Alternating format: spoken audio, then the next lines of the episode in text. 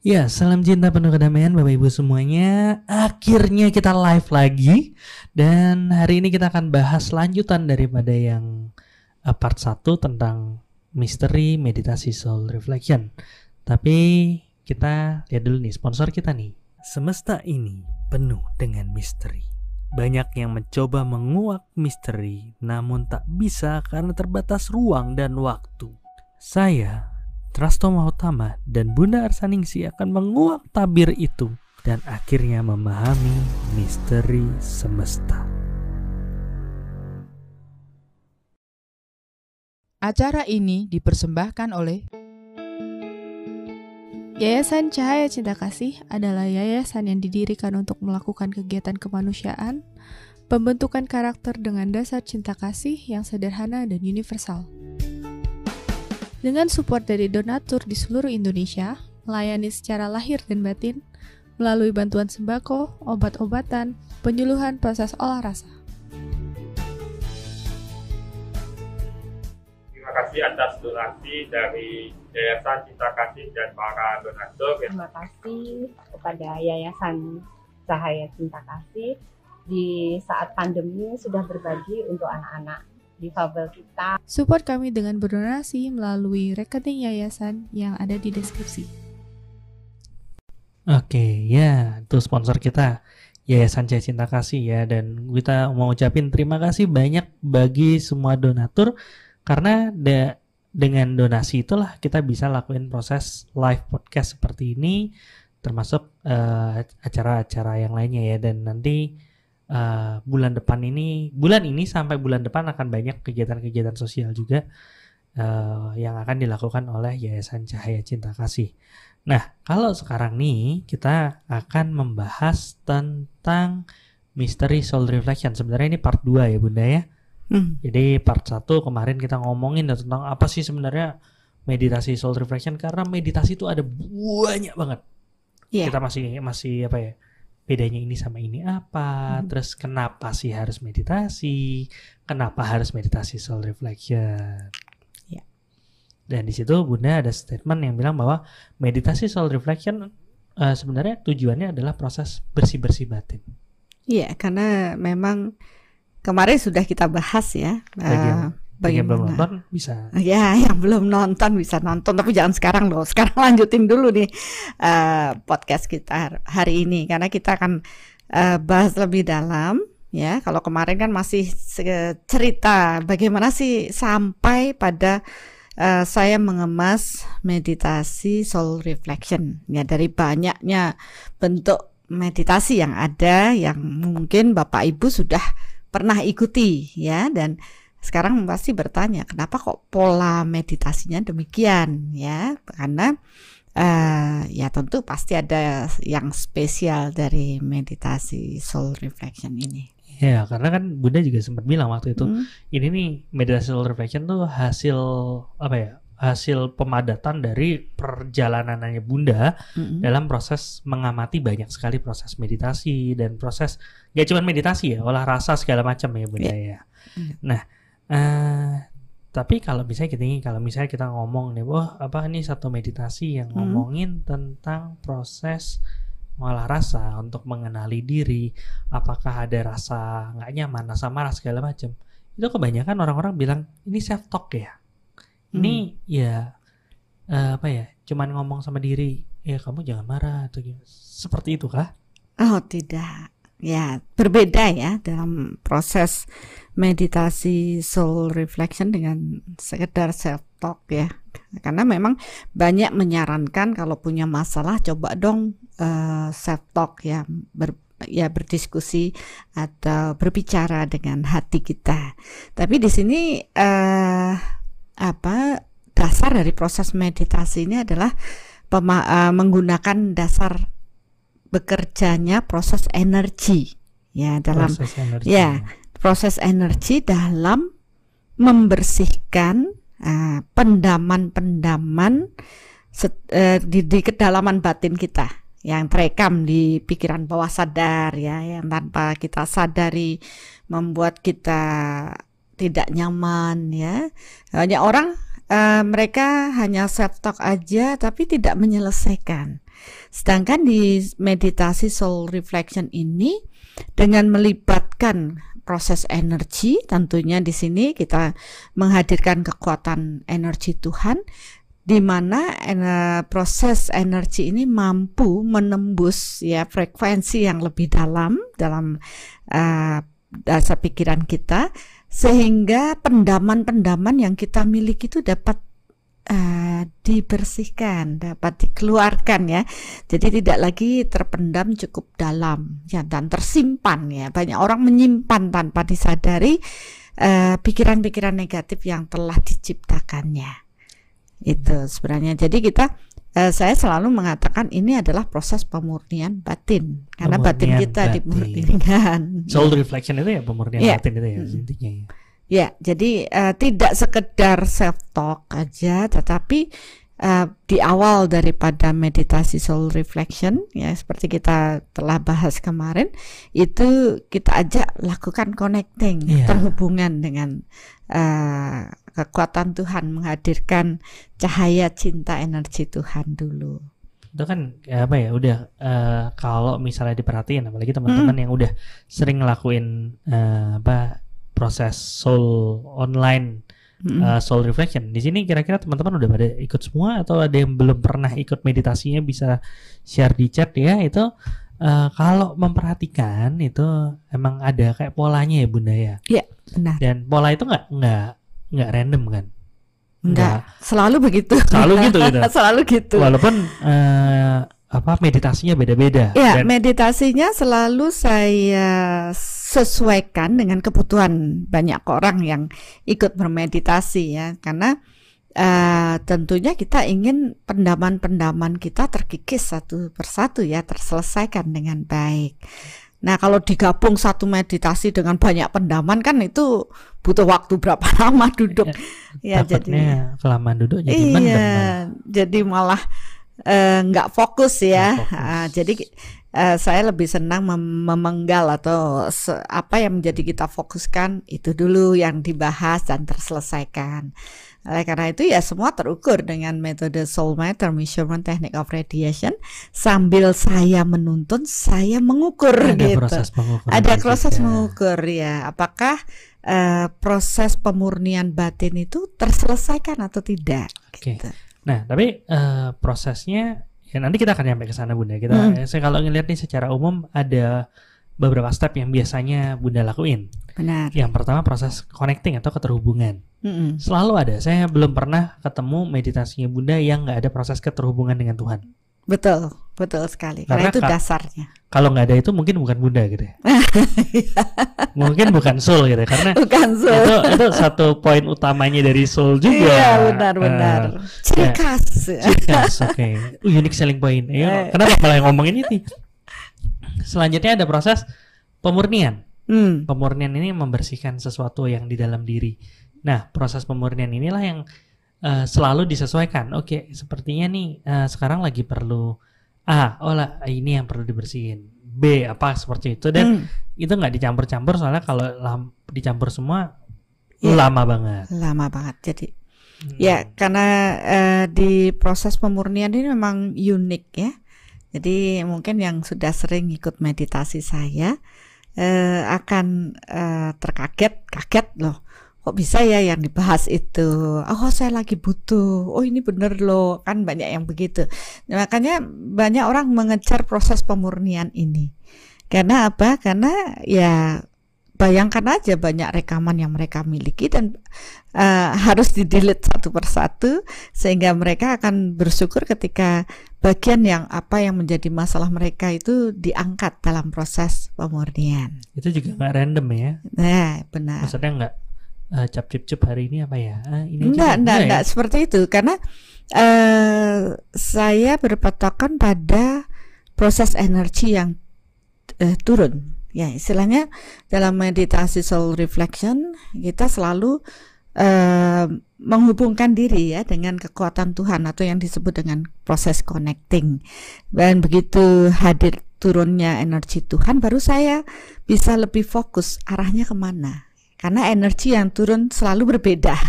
Ya dengan kapasitas kadang eh, oke okay, kebutuhan banyak orang adalah mungkin cemas ya. Maka energi yang diturunkan akan sesuai dan mampu membersihkan kecemasan tersebut. Tapi kadangkala ada yang eh, apa ya turunnya energi gede banget ya ternyata itu dipakai untuk pembersihan seperti uh, salah satu contoh pembersihan cakra mahkota. Nah, itu sesuatu yang enggak nggak terpikirkan oleh saya sebelumnya, tetapi karena saya mengikuti proses energi tersebut, apa yang menjadi kehendak Tuhan dalam proses pemurnian itu, maka itu mengalir saja dengan demikian. Itu termasuk yang kadang kadang-kadang pas Bunda berhalangan kan ada proses rekaman juga yeah. tuh.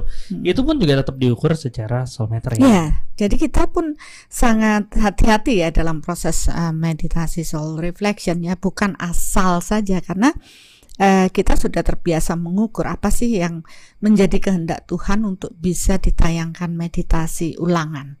Karena tentu mereka-mereka yang bermeditasi saat itu mungkin yang bisa joinan meditasi bareng, kebutuhannya adalah hal tersebut. Oke, okay. ya, yeah. ya itu nanti kita ngomong lebih dalam lagi. Jadi ada mm. on, tadi udah keterhubungan sudah, ada proses pemurnian, pemurnian batin, pemurnian jiwa. Mm Uh, dan yang terakhir biasanya ada proses uh, nabung atau top up rekening. Top up rekening itu yang kita yang Bunda biasanya doain orang biar sehat, doain yang seperti itu. Iya iya, benar. Betul.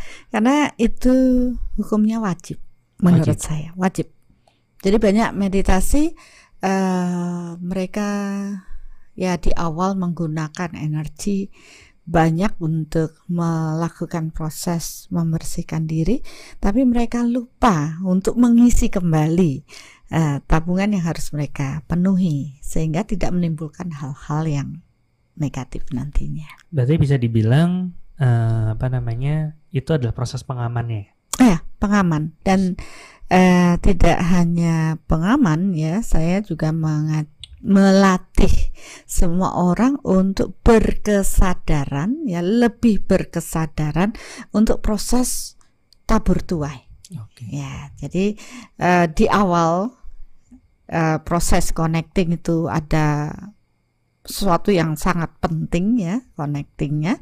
Kemudian uh, di tengah-tengah itu proses memurnikan batin itu butuh tabungan banyak karena kita tentu banyak uh, hal buruk yang kita miliki di akhir ya wajib hukumnya menabur kembali ya sehingga kita akan menuai hal yang baik. Jadi nah, apa ya kayak tebang pilih tanam gitu ya. ya itu kan hukum alam. Jadi meditasi soul reflection itu ya sesuai dengan hukum hukum yang berlaku di alam ini. Kalau mereka hanya fokus hanya mau pemurnian batin, mereka lupa bahwa itu akan menggesek ATM mereka karena uh, untuk proses membersihkan butuh tabungan karma baik yang lebih banyak. Nah, kalau sudah di uh, soul metode soul reflection ini sudah dilengkapi pengaman dan juga berlatih untuk terus menabung. Tapi manfaatnya kita dapat termurnikan okay. gitu. Oke. Ya, itu itu tiga poin yang mungkin ada poin tambahan ya itu adalah poin soul meter di mana Bunda ukur hmm. ini masih sekian orang nih masih ada sekian persen gitu. tapi itu yang untuk proses mengukur itu enggak apa ya jadi nggak relevan ya kalau untuk ulangan ya bunda ya iya benar nah karena itu ya terus ya pada saat itu pada, pada saat nah, itu by the way sebelum kita masuk ke satu satu persatu nih hmm. uh, kita gali lebih dalam lagi ada yang bertanya nih bunda hmm. awal-awal sudah ada yang bertanya hmm. oke pertanyaannya sebentar uh, ini live apa enggak bunda? Ya? Enggak, pertanyaannya ini. Nah, ini ini live atau enggak bunda? Kayak banyak yang uh, mungkin kemarin kita sempat lama enggak live gitu ya. Habis itu uh, jadi jadi penasaran udah. Ini live apa enggak nih bunda gitu? Ini live. Yakin ya live ya? Yakin banget. Dan saya sudah kangen live karena yeah. Iya. uh, kemarin dengan perjalanan yang kita lakukan uh, cukup lama ya kita absen diberikan dengan uh, apa namanya rekaman. Ya banyak juga yang komplain. Ya, ya mohon maaf ya. Cuman kan ya kita akan berusaha untuk terus live ya, ya cuman ya, mungkin ada saat-saat di mana kita nggak bisa live Ya, Ya, kita kita memang sudah prepare ya menyiapkan ya Dokter Astu. Iya, dia kan rindu gara-gara live-nya. Oke, jadi eh, mumpung live juga eh, kalau ada pertanyaan bisa Bisa ditanyakan. langsung Iya, jadi ditanyakan. kalau kemarin kita masih nanyanya pertanyaan dari ya maksudnya nggak pertanyaan langsung ya, cuman ini kan lebih seru ya. Hmm. Ada pertanyaan. Tapi itu bagus loh pertanyaan. Novi Widian. Yofi Midita ini. Nah, Oke. Saya nggak tahu nih, bisa di live bisa dihidupin nggak ya? Coba dulu. Oke, Hmm. bisa. Izin tanya Bunda, karena di alam ini nggak ada yang gratis dalam medol, medol, medol, meditasi online ya. Medol juga reflection yang dibagikan secara gratis di YouTube ini apa yang menjadi pertukarannya Bunda gitu. Takutnya kalau kemarin kita ngomongin deh masalah kesurupan. mm-mm. Seringkali orang tuh eh kecele, kecele apa ya?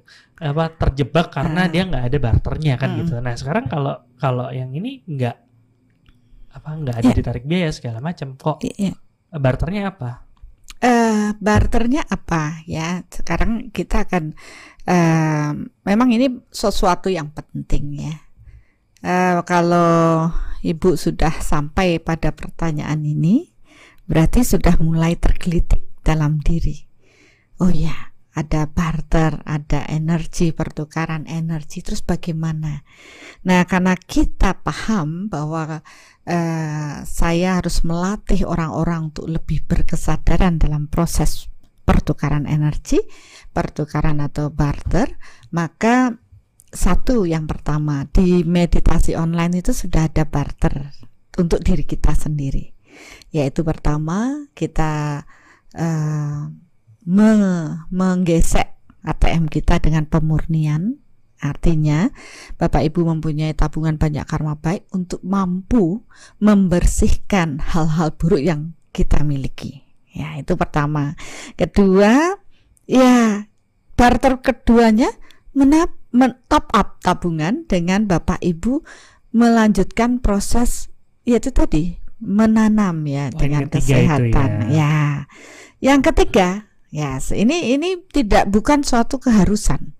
Cuma mereka yang sudah kesadarannya bertumbuh, mereka akan paham, oh ya, saya mendapatkan ilmu ini, teknologi in- energi, mengalirnya energi, tentu ada barter dong.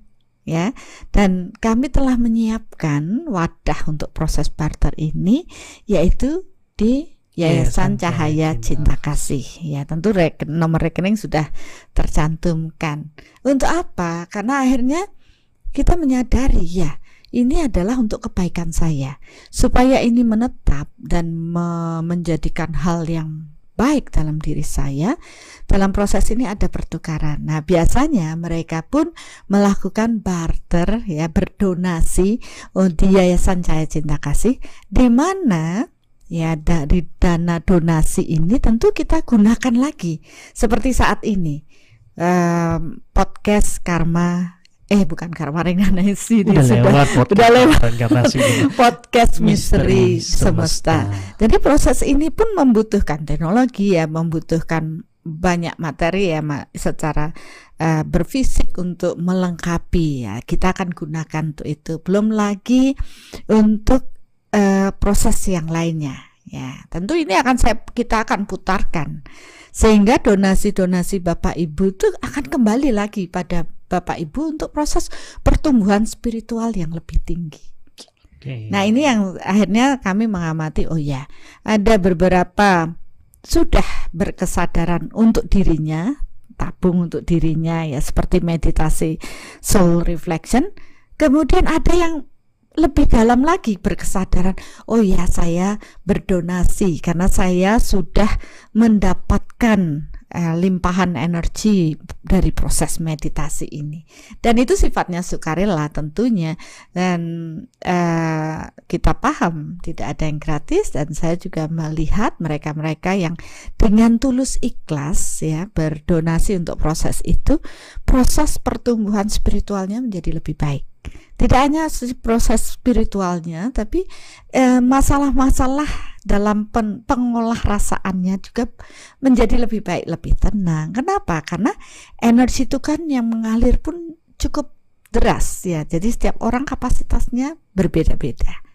Oke. Ya, di sinilah kita eh, perlu lebih berkesadaran. Wih, saya merinding ini karena kok hal ini ditanyakan. Berarti ada eh, kehendak Tuhan untuk Bapak Ibu paham lebih dalam dari proses meditasi soul reflection ini. Kalau tidak ada yang bertanya, maka yang rahasia ini tidak akan uh, terungkapkan ya seperti biasa dari proses kita berlatih ini apabila ada pertanyaan yang muncul berarti kesadarannya sudah uh, lebih terbuka. Ya terima kasih ya ibu yang sudah bertanya. Sehingga satu pertanyaan bisa memberikan pencerahan atau pemahaman pada lebih banyak orang. Dan bukan satu yang kebetulan berarti ada pesan Tuhan di balik ini semua. Karena apa yang Bapak Ibu tanam akan Bapak Ibu tuai untuk meningkatkan kualitas hidup yang lebih Iya. baik. Ini sebenarnya ada lanjutannya pertanyaannya Bunda. Mm-mm. Apakah proses pemulihan dilakukan di meditasi online ini menggesek Bunda? Menggesek maksudnya eh, apa ngambil rekeningan kita top up rekening, ngambil reken Mm-mm. eh, ngambil duit di rekening gitu. Sehingga di akhir proses kita disuruh untuk top up atau menabung. Iya. Iya. Sudah terjawab ya. Benar sekali Bu, benar sekali. Memang eh, ketika kita membersihkan batin kita, sebenarnya eh, membutuhkan power yang besar. Ya, jadi di, alam ini nggak ada yang gratis ya. Sama juga dengan proses kita ber- eh, menuju Tuhan itu harus ada pengorbanan. Kenapa? Karena kita banyak tumpukan hal negatif yang kita ciptakan karena kita belum sadar. Ya, oleh karena itu perlu kita berbuat buruk nih. Ya, terpendam pikiran buruk kita banyak sekali. Pada saat kita mau membersihkan yang buruk di dalam diri kita, kita butuh power yang besar, yaitu power energi Tuhan yang mengalir. Ya, itu kita sudah paham ya. Oleh karena energi yang mengalir itu kita gunakan untuk membersihkan hal buruk yang kita miliki. Otomatis tabungan baik kita digunakan untuk membersihkan kegelapan di dalam diri. Ya, yang tadinya saya punya tabungan 10 eh 9 lah katakan. Kemudian power saya mencukupi 9, sudah saya membuat hal baik 9. Tapi di kedalaman ternyata masih ada rekaman buruk 3 poin. Ya, 3 poin yang saya miliki. Maka saya butuh power yang lebih tinggi untuk dapat membersihkan yang 3 poin. Nah, begitu saya punya tabungan 9 yang 3 poin digunakan untuk membersihkan hal buruk tersebut, maka tabungan saya tinggal 6 gesek ya untuk membersihkan hal buruk. Hal buruk itu apa? Ya kita sendiri karena kita dulu menanam hal yang buruk minus tiga. Ya ini kalau hitung-hitungan itu ternyata secara energi itu ayo berhitung bisa dihitung ya. Begitu minus tiga ini kita nanam tadi sembilan dikurangi tiga kan masih enam. Nah kalau enam kita tidak lagi berkesadaran untuk menabung lagi.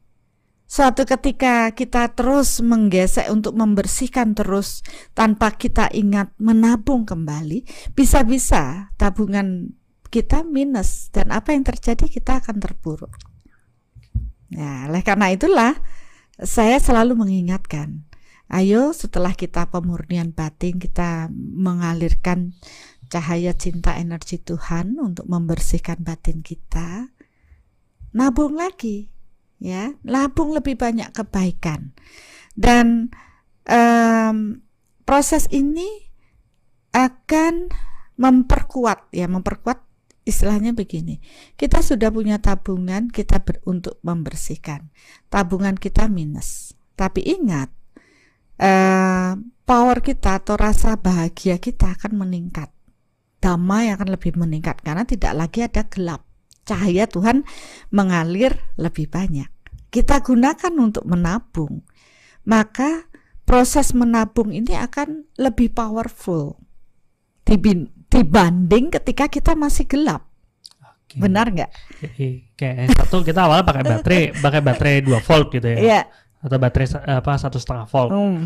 habis itu setelah kita bersih bersih segala macam baterai kita naik gitu ternyata Hmm. powernya kita yang dari satu setengah volt jadi 9 volt gitu Ya. ya 9 volt yang dipakai nabung dipakai nabung lebih powerful daripada Boleh, waktu Iya, benar. Jadi ini ada apa ya? eh, saya melihat itu saya bandingkan dengan kondisi di mana orang itu tidak punya tabungan, kemudian berusaha untuk membersihkan diri susah banget. Ah, oke. Ya, karena ini sudah teruji ya. Dia nggak punya tabungan, terus terpuruk.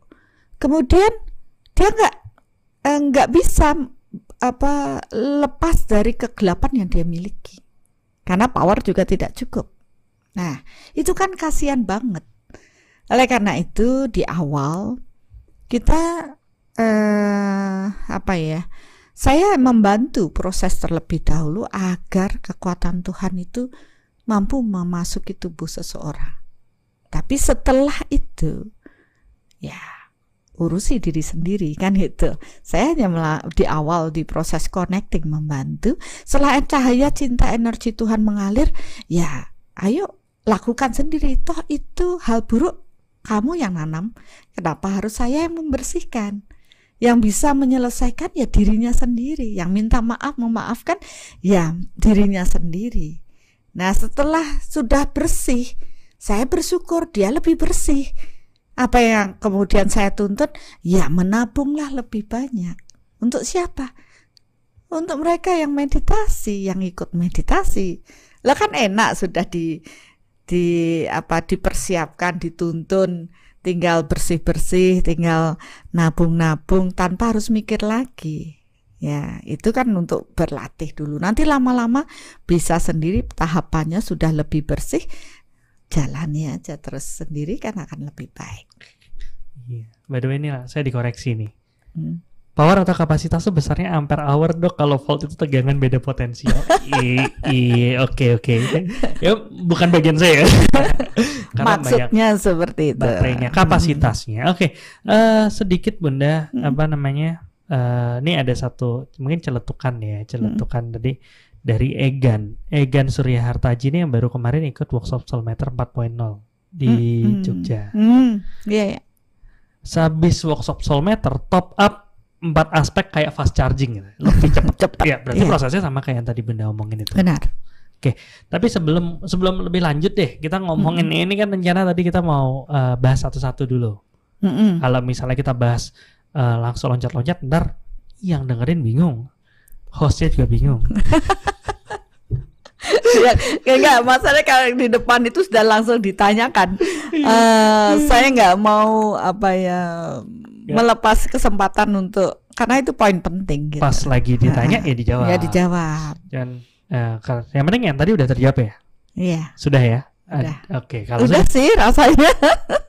kalau ada yang masih bingung atau gimana, silahkan ditanya. Kita tetap pembahasannya ngikutin eh, alur, tapi nanti kalau misalnya ada pertanyaan yang emang apa ya, emang eh, penting banget atau gimana ya langsung kita bahas gitu ya Hmm. Bunda ya. Oke, eh, kita masuk lagi yang pertama nih. Yang pertama connecting dulu nih atau ke- Mm-mm. terhubung dulu nih gitu kan. Mm-mm. Terhubung nih sesuatu yang eh, di beberapa meditasi lain ada yang nggak pakai, ada yang pakai juga. Tapi kadang-kadang dibilangnya oh saya terhubung eh, bukan terhubung, saya minta bantuan sama si A si B segala macam. Kalau di Soul kan nggak seperti itu ya. Nggak. Terhubungnya itu jelas. Jelas. Jelasnya ke Tuhan. Tuhan. Hmm. Tuhan yang mana? Oh beda ya. Namanya Tuhan banyak. Nggak, karena saya sering banget dapat pertanyaan kayak gitu kan. Begitu terhubung sama Tuhan, banyak yang nanya Tuhan yang mana gitu. Nah itu. Kalau mereka sampai ngomong Tuhan yang mana, berarti proses eh, pemahamannya masih belum cukup dalam. Ya, karena sesungguhnya ya Tuhan hanya satu saja. Dan ya mungkin yang dimaksud adalah penyebutan namanya bisa dengan banyak nama, tapi yang maha kuasa ya tetap satu doang gitu. Oke, jadi itu se- anu ya yang mempertegas juga proses universal universalnya Iya. ya. Jadi kalau di soul ini selalu terhubungnya sama Tuhan. Ya. apa pun keyakinannya, apa pun Hmm. agamanya, mau orang bilang saya nggak percaya Tuhan pun, eh nggak bisa ya kalau nggak percaya Tuhan ya. Maksudnya Hmm. agnostik gitu. Saya nggak punya agama gitu, tapi saya percaya Tuhan Tuhan itu masih bisa. masih bisa. Ya, yang penting percaya dengan em, kekuatan yang terbesar di alam ini. Kita sempat bahas di karma, reinkarnasi dan Tuhan ya. Mm-mm. Kalau emang ada yang penasaran dengan itu bisa eh, kulik lagi. Itu udah Hmm. lama sih, cuman masih relevan. Nah, yang menarik di situ eh, apa namanya? Kan ada proses terhubungan tuh yang khas di yang yang unik adalah selalu terhubung dengan eh, Jiwa luhur. melalui jiwa luhur. Mm-mm. Melalui jiwa luhur eh, baru ke Tuhan. Mm-mm. Dan di situ banyak ada beberapa pertanyaan kemarin bilang, kenapa sih harus lewat jiwa luhur gitu? Kenapa nggak langsung ke Tuhan aja? Kan setiap orang itu punya cahaya di dalam tubuhnya dan di dalam dirinya dan cahaya itu bisa membuatnya terhubung sama Tuhan. Ada ada komentar seperti itu kalau nggak salah beberapa saat lalu di salah satu videonya Bunda. Ya, benar. Itu Karena gimana? eh, s- banyak yang berasumsi bahwa proses keterhubungan dirinya dengan Tuhan itu bisa langsung sendiri saja, ya tanpa melalui perantara atau orang lain, ya tetap langsung aja. Em, Kadang-kadang saya yang melihat tuh kasihan gitu. Kok ada ya manusia yang keblinger gitu, istilahnya merasa dirinya Oke, bisa langsung terhubung dengan Tuhan keblinger tuh apa? Eh, yang merasa wah gitu. Oh, Oke. Sebenarnya ya ini yang eh, perlu dipahami. Memang ad- di dalam diri kita itu ada percikan cahaya Tuhan. Di semua makhluk ada percikan cahaya Tuhan. Tetapi kapasitas cahaya percikan cahaya Tuhan itu tidak sama pada semua makhluk ciptaan Tuhan. Tuhan itu yang paling besar tentunya, ya. Nah, pada saat kita mau menghubungkan diri kita dengan kekuatan yang terbesar ini ternyata tidak mudah apabila dilakukan secara sendiri. Kenapa? Rekaman jiwa itu membawa banyak kegelapan, Oke, rekaman jiwa membawa, membawa, banyak, kegelapan dari kehidupannya yang terdahulu. Jadi lahir-lahir tuh nggak kayak lagunya Padi yang apa seperti kertas putih nggak ya, Nggak. tapi Ya, banyak dia sudah banyak rekaman-rekaman. rekamannya.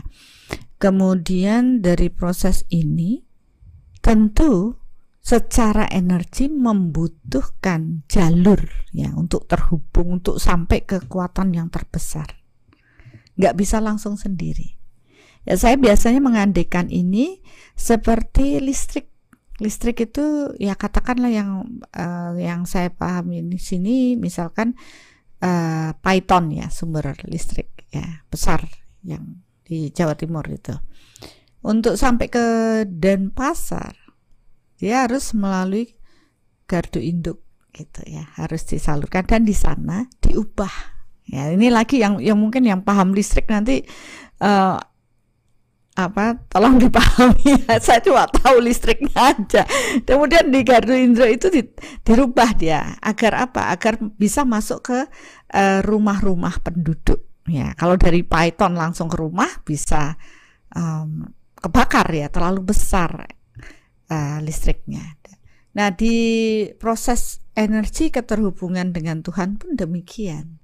Maka untuk dapat masuk ke kekuatan Tuhan untuk bisa masuk ke tubuh em, manusia ini ya eh, jiwa-jiwa manusia ini butuh ke yang mampu mengubah kekuatan power energi Tuhan itu menjadi energi yang dapat diterima oleh banyak orang jiwa-jiwa manusia dan akhirnya kita mencari proses tersebut dan kita me- apa melihat itu sebagai jiwa yang luhur, jiwa yang berbeda dengan jiwa manusia biasa.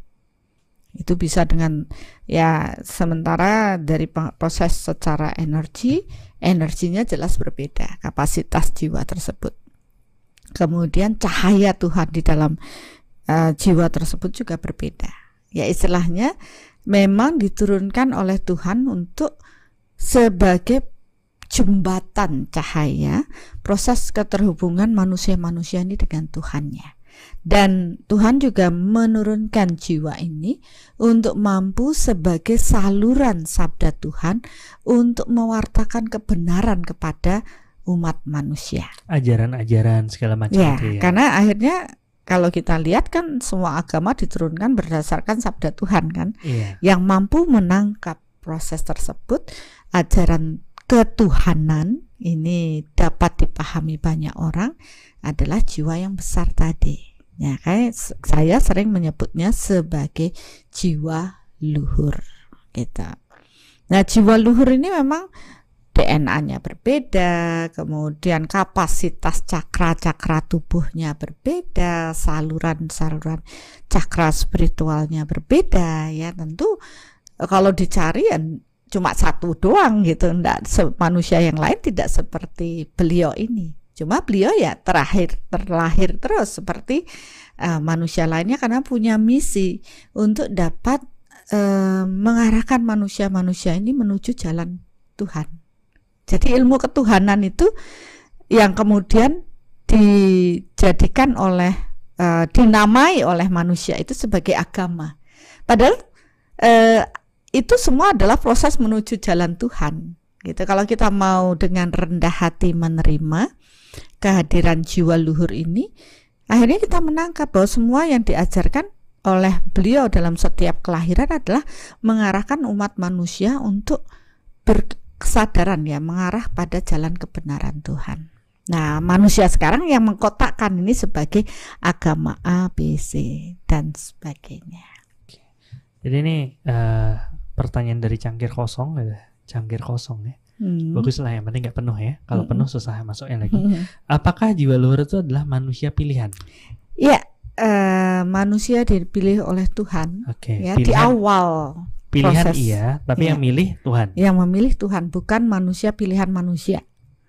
Ya, dan eh, jiwa luhur itu ada penandanya ya, bukan nanti kalau kalau sudah paham secara energi bisa tahu keberadaannya. Oh, perbedaan antara manusia biasa dengan jiwa luhur ini. Maka kita akan dapat menghargai upaya sang jiwa luhur ini mengarahkan umat manusia ini mengarah pada Tuhannya. Karena memang berbeda dari kapasitas power energi, cahaya, cinta dan energi yang mampu beliau tangkap atau menjadi wadah ya dari proses menyalurkan energi Tuhan ini kepada jiwa-jiwa lainnya. Oke. Jadi itu proses jiwa luhurnya itu ya. Ini saya seperti menarik sih ini yang dari Istighfar Maulana, cuman saya nggak tahu gimana bacanya. Mm-mm. Oh ini inti dari man arofa nafasu jiwa luhur. Ya pokoknya dibilang barang siapa yang kenal dirinya maka akan kenal dengan Tuhannya terhubung dengan diri sejati untuk terhubung dengan energi Tuhan. Diri sejati itu ya bisa jadi yang dimaksud jiwa luhur itu ya. Ya, diri ya inilah yang menjadi kebingungan ya Iya. kalau saya bilang. Saya pun bingung masalahnya. Ya, masalahnya ah, banyak mengatakan bahwa jiwa luhur itu adalah jiwa diri sejati kita. Ya, ini diri kita ada lagi diri sejati.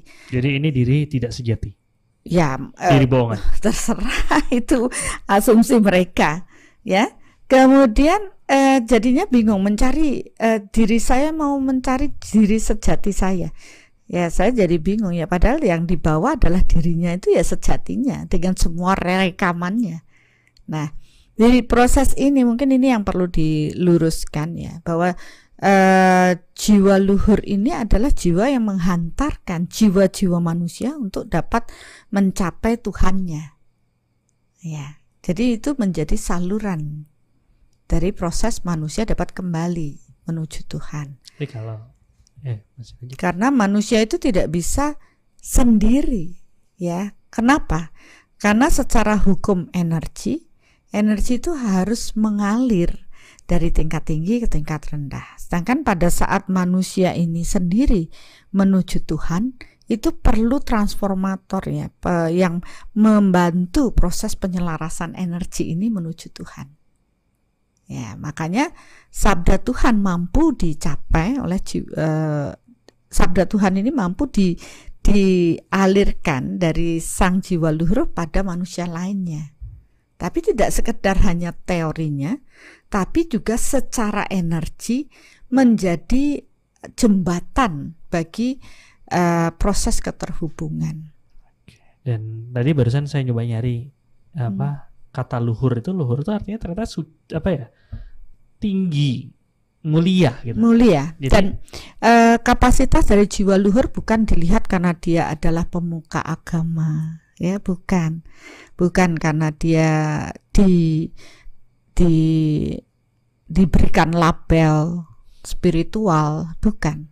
Kapasitas jiwa luhur itu memang diberikan oleh Tuhan, ditandai dengan proses uh, jiwa yang berbeda dengan jiwa manusia yang biasa. Ya, jadi mereka beliau-beliau akan dikenali pada proses setiap era zaman perubahan era zaman akan ditandai dikenali dengan banyaknya jiwa-jiwa yang mampu uh, dihantarkan melalui kesadaran yang beliau bagikan pada umat manusia untuk mengarah pada Tuhan. Oke, ada nanya apakah si ini si ini segala macam banyak banget ya emang yang terkenal kan ya bunda biasanya sudah sebut nih ada nanya apakah awatara termasuk jiwa luhur? Ya itu salah satu yang dikenal juga ya bunda ya. Iya. Oke. Jadi uh, tetap sesuatu eh, kita nggak nggak akan terlalu dalam ngomongin itu karena pembahasannya masih banyak juga. Jadi Iya, mungkin uh, saya baru dapat proses ya um, mungkin kita akan bahas ya khusus untuk pemahaman jiwa luhur supaya tidak sepotong sepotong sepotong-sepotong. Dan saya rasa uh, akan lebih baik untuk mengetahui atau mengenal beliau itu dengan Bapak Ibu setelah bisa mengukur menggunakan soul meter itu akan lebih mudah dalam menerjemahkan atau memahami apa sih perbedaan antara jiwa biasa dengan jiwa luhur. Ya ini memang proses yang pendalaman yang lebih dalam dan saya rasa ya seandainya itu pun dibahas uh, tentu juga tidak apa ya apa yang tersurat dan tersirat akan berbeda karena ini pembahasan yang cukup misteri misterius istilahnya mereka yang yang paham akan mampu menangkap dengan baik yang tidak paham ya lewat begitu saja. Iya dan ya. Uh, di Soul juga kita percaya kan bahwa sebenarnya semua jawaban tuh ada di dalam diri gitu ya. Hmm tapi kita harus berlatih dan terus meningkatkan kapasitas diri sampai kita benar-benar bisa baru kita bisa temukan apa solusinya kan seperti iya. itu. Benar. Seperti proses ini mungkin kalau misalnya kita cuma berteori seperti ini akan banyak pertanyaan-pertanyaan dan semakin banyak semakin bingung ya iya tapi nanti eh, tenang eh, begitu kita lanjutin prosesnya proses eh, pertumbuhan jiwa sampai nanti di proses pengukuran dengan energi di workshop akan lebih mudah untuk memahami. Mungkin nanti kita bahas di kelas SDP mungkin. Oh iya kalau itu kan wajib ya nanti akan uh, bisa dibahas tapi ya kadangkala um, yang apa namanya banyak orang kalayak umum ya itu perlu juga mengetahui kebenaran itu okay. sehingga proses keterhubungan dengan Tuhan itu menjadi lebih cepat prosesnya. Ya seperti jalan tol, ya kalau jalan tol bebas hambatan, ya. Tapi kalau lewat jalan-jalan usaha sendiri mungkin kelok-kelok. Ya. Seperti kita dari Surabaya, eh dari Semarang, Jakarta, Surabaya naik tol itu bisa cepat. Coba kalau dulu harus lewat kota-kota lama sekali, sama seperti itu. Kehadiran sang jiwa luhur itu bagikan tol yang menjembatani proses kita lebih cepat mencapai Tuhan dibanding upaya manusia yang tidak butuh bantuan siapa-siapa. Nah, itu namanya sombong. Karena manusia biasa tidak bisa sampai ke proses Tuhan tanpa melalui sang jiwa luhur. Makanya ya. carilah beliau. Ya dia bilang apa namanya? uh, berarti benar apa yang dibilang nggak bisa nyampe ke bapak tanpa sampai eh, melewatiku ya itu apa Yesus pernah bicara seperti itu Hmm. ya karena ya seperti yang Bunda bilang itu adalah proses Iya. jalannya dan eh, ada banyak banget jiwa luhur yang yang dikenal kan seperti itu ya Bunda Mm-mm. ya cuman ada satu pertanyaan yang menarik Bun, izin tanya, apakah ada energi seseorang yang tidak bisa diradiasi oleh orang lain, seperti dalam ajaran kami yang dinamakan wali tersembunyi, seperti Uwais Al-Qarni, tidak terkenal di bumi tapi terkenal di langit. Jadi ya prosesnya mungkin ini yang bisa dibilang Ya. proses jiwa luhur itu dan belum tentu semuanya terkenal gitu. belum tentu semuanya terkenal. Tapi barang siapa yang me- mampu mengenali kehadirannya itu suatu berkat yang luar biasa ya. Karena tentunya eh, saya yakin sekali dengan proses energi ya yang sejenis akan menarik sejenis. Biasanya orang-orang yang sudah eh, merindukan Tuhannya yang sudah eh, berkesadaran lebih dia akan mengenali proses tersebut. Karena memang berbeda ya. Kalau apalagi kalau mereka paham secara energi ya tentu itu sudah sangat berbeda sekali. Ada yang nanya gimana cara mengenali jiwa luhur? Ya kayak tadi dibilang ya kita perkaya dulu diri, paham, Mm-mm. tingkatkan dulu level diri supaya kita bisa membaca yang tidak yang tidak tertuliskan, iya. Memahami apa yang tidak dikatakan. ya itulah. Eh, maka perlu eh, bertumbuh dalam proses kecerdasan spiritual ya untuk mengamati ya. Jadi ha- jangan hanya asal ikut-ikutan saja. Ya seperti pertanyaan-pertanyaan kali ini kayak- kayak kelihatannya saya ngelirik ini eh, pertanyaannya sudah mulai dalam-dalam nih. Jadi ya saya bersyukur ya mudah-mudahan Bapak Ibu bisa memahami apa yang eh, apa ya tersirat ya. Kadangkala kan sulit untuk em, memberikan sesuatu yang apa ya kebenaran ya. Menyampaikan suatu kebenaran untuk bisa diterima dengan damai. Karena pasti ada pergolakan ada ada pro ada kontra. Tapi kan bagaimanapun apabila mereka di dalam diri ada kesucian pasti akan menarik yang sejenis untuk dapat memahami. Oleh karena itu eh, banyak orang memilih diam dan tidak digembar-gembor, tapi mereka sebenarnya sudah mengarah pada proses kesucian itu sendiri. Cuman masalahnya nih Bunda, Hmm. saya jadi ingat Pak Sanoto nih. Hmm. Pak Sanoto salah satu community kita yang quote-nya beliau yang sangat ikonik bagi saya adalah masalah muncul saat yang tahu itu diam, yang tidak diam tapi sebenarnya yang ngomong itu nggak tahu. Iya, kadangkala memang eh, perlu seperti itu ya. Eh, memang benar kalau untuk suatu pengetahuan ya yang tahu harus mulai berbagi kan. Tapi dalam proses spiritual biasanya eh, semakin mereka tahu, mereka akan semakin diam.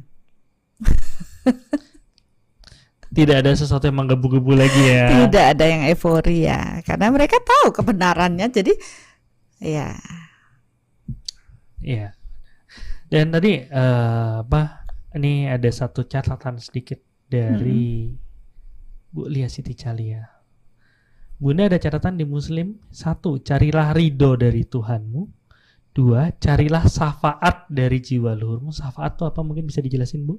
Sama yang ketiga, carilah berkat dari gurumu. Itu kan sebenarnya eh, memperkuat apa yang kita eh, omongin juga tadi ya bahwa benar. kita kalau untuk mencari ridho atau mencari berkat dari Tuhan terhubung sama Tuhan ya Hmm. kita harus melalui Jiwa luhur. dan juga butuh seorang guru ya Oke. jadi ya itu perlu kerendahan hati Nah, yang saya bilang oh saya kan bisa karena saya pernah eh ya ketemu orang ngeyel kan banyak sudah diajari masih ngeyel tapi kan di ajaran ini bisa sendiri terhubung dengan Tuhan oh Tuhan saya bilang gitu ya sudah kalau menurut anda bisa ya silahkan lakukan dengan jalan itu Nah. itu pilihan Pilihan. Ya kan kalau di Soul mah simpel ya Bun ya. Ya, kalau diesel gampang ukur sendiri. Pemahamannya ini Eh, eh. Ukur sendiri. pilihan, Pilihan masing-masing. Karena kita kan tidak memaksa atau eh, kalau mau bertumbuh ya syukur. Pertumbuhan juga masing-masing. Pertumbuhan juga masing-masing, karma juga sendiri-sendiri. Oke, iya. Udah, ya, tapi kalau bisa mari bertumbuh bersama. Iya, itu yang paling nyaman. Oke, eh, sekarang kan kita udah ngomong nih jalannya udah udah jelas nih ya dari eh, manusia dari Mm-mm. kita kita nih Mm-mm, ke jiwa luhur mm-mm, ke Tuhan. mm-mm. Proses ini kan kadang-kadang bagi beberapa teman yang peka itu akan memberikan sensasi ya. Mm-mm. Kadang-kadang eh, ada yang bilang eh, apa ya kemarin tuh teman-teman bilang ada yang bilang kayak kepalanya berat gitu. Mm-mm. Uh, kepalanya berat. Ada yang bilang kayak eh, ada semut-semut gitu di eh, ubun-ubun segala macam. Mm-mm. Tapi eh, itu bukan apakah harus mencari proses itu untuk menentukan bahwa itu sudah terhubung atau ada hal-hal lain yang eh, bisa menjadi indikator oh ternyata saya sudah terhubung. Ini bisa dijawab secara SM sama non SM ya. Hmm. Kalau secara MS eh, soul matter gampang ukur aja energinya ya. Sudahkah energi Tuhan memasuki tubuh seseorang untuk terhubung? Jadi nggak bisa dibohongin. nah kalau secara tidak SM, eh, memang banyak orang akhirnya mencari di sensasi, rasa, ya. Setelah eh, proses ini eh, lebih nyaman, oh berarti ada ada ada energi yang terbersihkan, kemudian ada yang rasanya di kepala dan apa ya itu itu kita nggak bisa menyamakan persepsi karena kita belum punya eh, mereka belum punya alat ukurnya sehingga ya terserah kan rasa itu Sensasi aja. sensasi aja. Tapi ke- kalau mereka sudah melak- paham dengan soul matter, mereka akan bisa lebih detail ya me- me- mengidentifikasi apakah ini sudah terhubung, apakah sudah benar jalurnya. Karena tadi ada yang bilang, gimana kalau saya menyebutkan semuanya untuk eh, terhubung karena semua beliau jiwa yang mulia gitu ya. Ya boleh-boleh aja kemarin ada mempertanyakan tak asal yang disebut itu memang eh, bagian dari jiwa luhur yang terlahir terlahir karena jiwanya sama ya. Cuma berkali-kali lahir sama seperti manusia.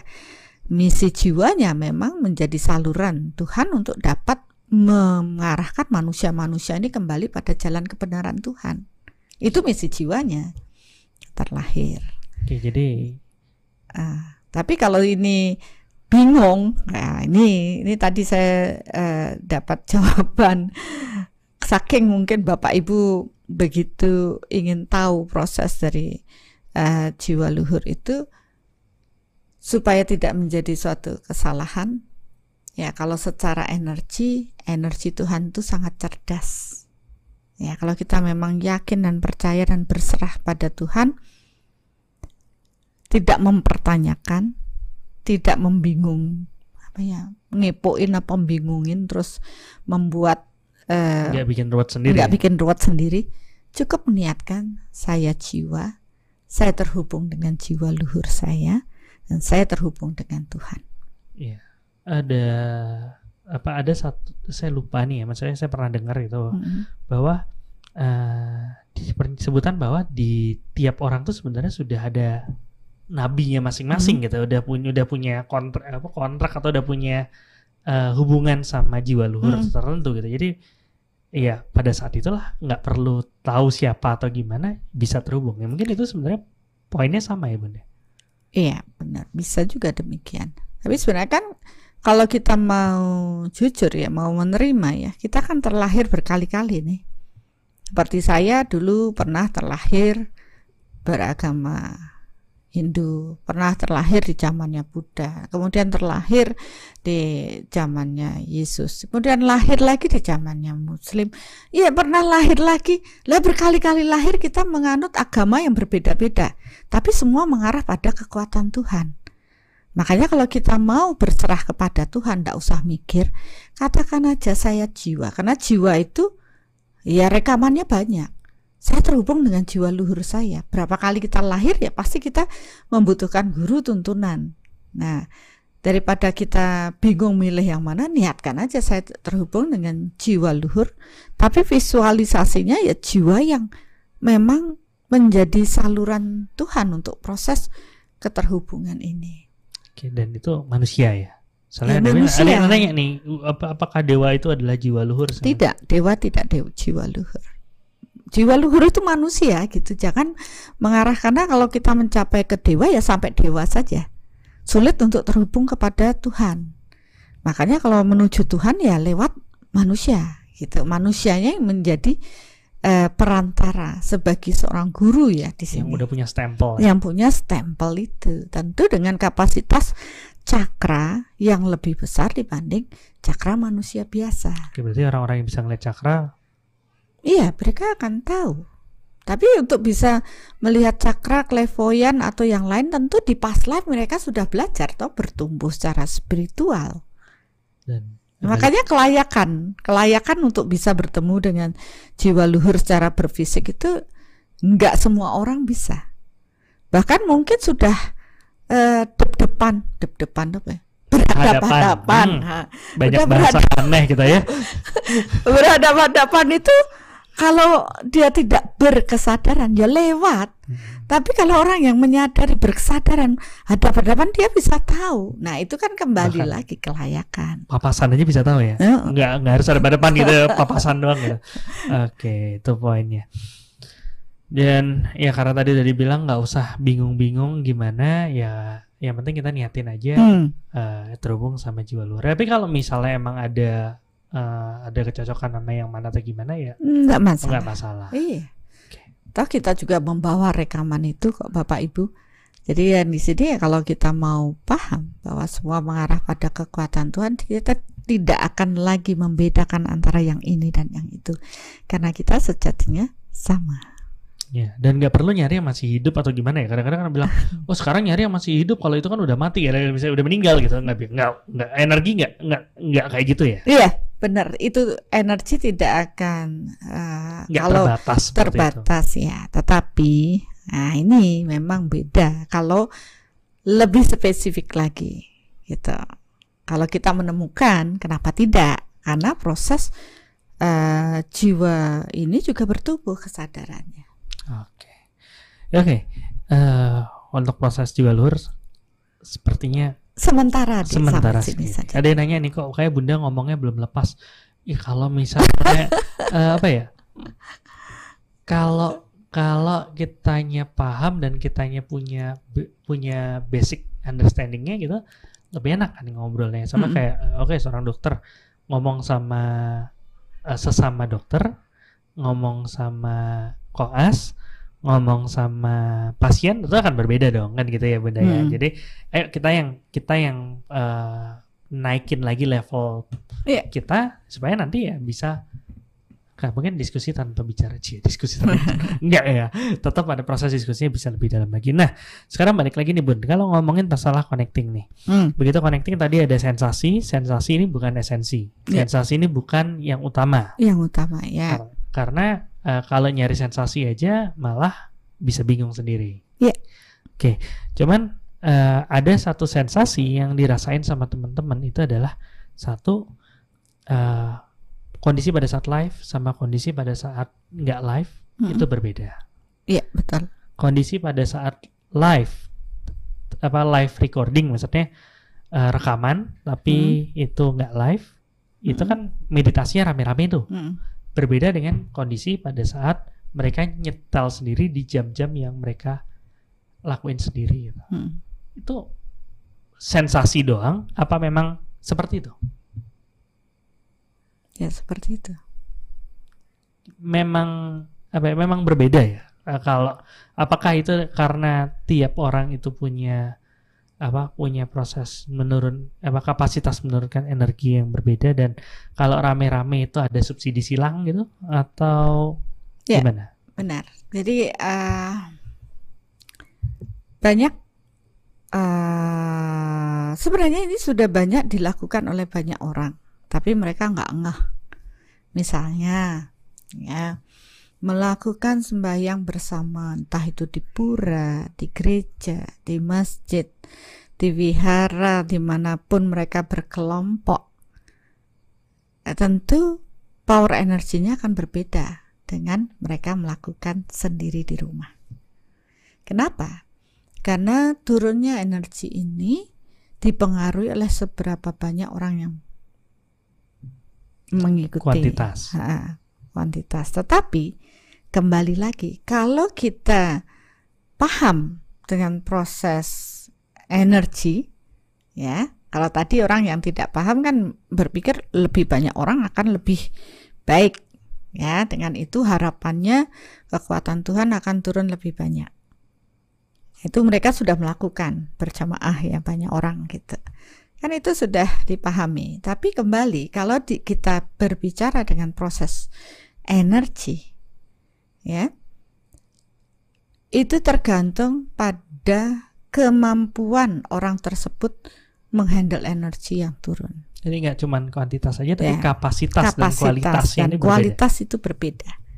Misalkan eh ketika meditasi soul reflection ini dilakukan bersama-sama live ya.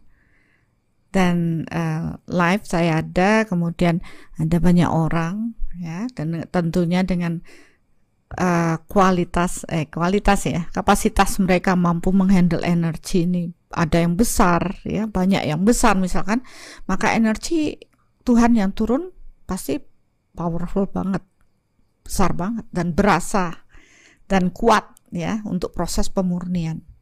Mereka-mereka yang energinya masih kecil-kecil akan mendapat manfaat juga subsidi silang itu subsidi silang. Ya, jadi kenapa alangkah baiknya memang meditasinya. meditasinya pada Bareng-bareng. waktu bareng-bareng itu. Karena energi Tuhan akan turun luar biasa. Ya, mungkin mereka yang belum masih ya ap- eh, apa yang membedakan? Ya, tentu mereka-mereka yang sudah berlatih, yang sudah terbersihkan saluran energinya besar lebih besar, ya. Em, mereka akan mampu menghadirkan kekuatan Tuhan yang lebih besar, cahaya cinta dan energi Tuhan karena mereka sudah nyicil dibersihkan, apalagi upgrade WSM ya. Itu kan pembersihannya digelontor energinya luar biasa sehingga pulang-pulang salurannya udah gede-gede. Jadi kenapa tadi habis itu top up-nya Fast charging. Jos banget ya. banget. Jos banget cepet bersihin apa cepet gitu ya. Hmm. Karena rekaman di kedalaman sudah terbersihkan. Listriknya beda ya. Listriknya sal ya salurannya berbeda. Jangan ngomong listrik lagi. Ya. Nah, sedangkan mereka yang belum akan dapat imbas gitu loh. Dengan Hmm. energi ini, oh barengan waktu yang bersamaan, dia pun yang masih kotor itu akan eh, mampu secara bersama dapat apa ya subsidi silang tadi dengan energi yang turun. Cuma kalau sendiri rekaman ya kapasitas sendiri saja.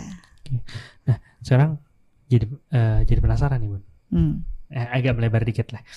Eh, kalau misalnya nih eh, pada saat yang samaan gitu Mm-mm. ada 10 orang Mm-mm. meditasi bersama gitu kan Mm-mm. kan tadi bunda bilang ada proses subsidi silang si A ener- apa kapasitasnya lebih besar si B kapasitasnya kurang segala macam akhirnya eh, yang kecil-kecil kebantu kan gitu ya Mm-mm.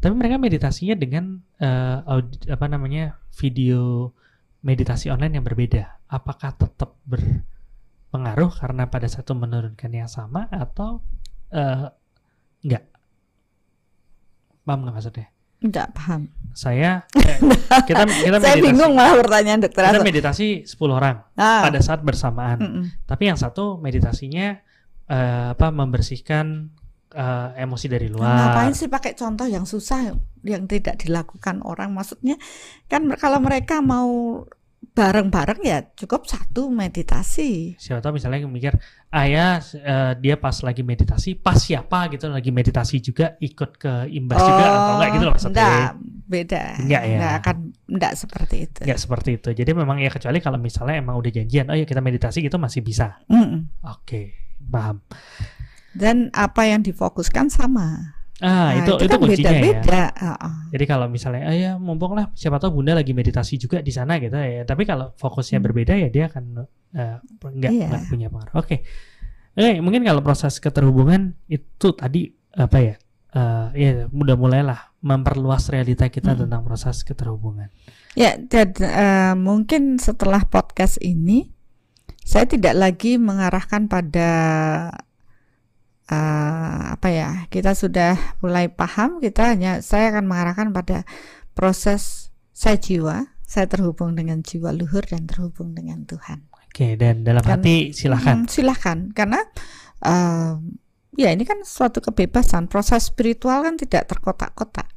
Jiwa luhur itu ya kita sudah paham sekarang jiwa luhur itu ya satu lahir terus berjalan ya. Dan kita pun lahir sudah pernah dengan agama-agama yang dulu ya yang sekarang. Jadi jangan harus ini yang itu jelek yang itu tidak. Kalau kita sudah di ranah spiritual sudah nggak lagi menghakimi orang lain. Karena kita juga dulu mempunyai keyakinan yang sama dan kalau memang mau dengan rendah hati terhubung dengan jiwa luhur ya tidak lagi mempertentangkan harus lewat ini harus lewat itu harus begini harus begitu itu namanya masih sombong masih masih egois ya Oh. di sinilah kita melihat proses oh iya memang proses menuju Tuhan adalah proses spiritual tidak lagi terkotak-kotak Ini ada satu pertanyaan, bukan pernyataan dari Pak Benny Chandra.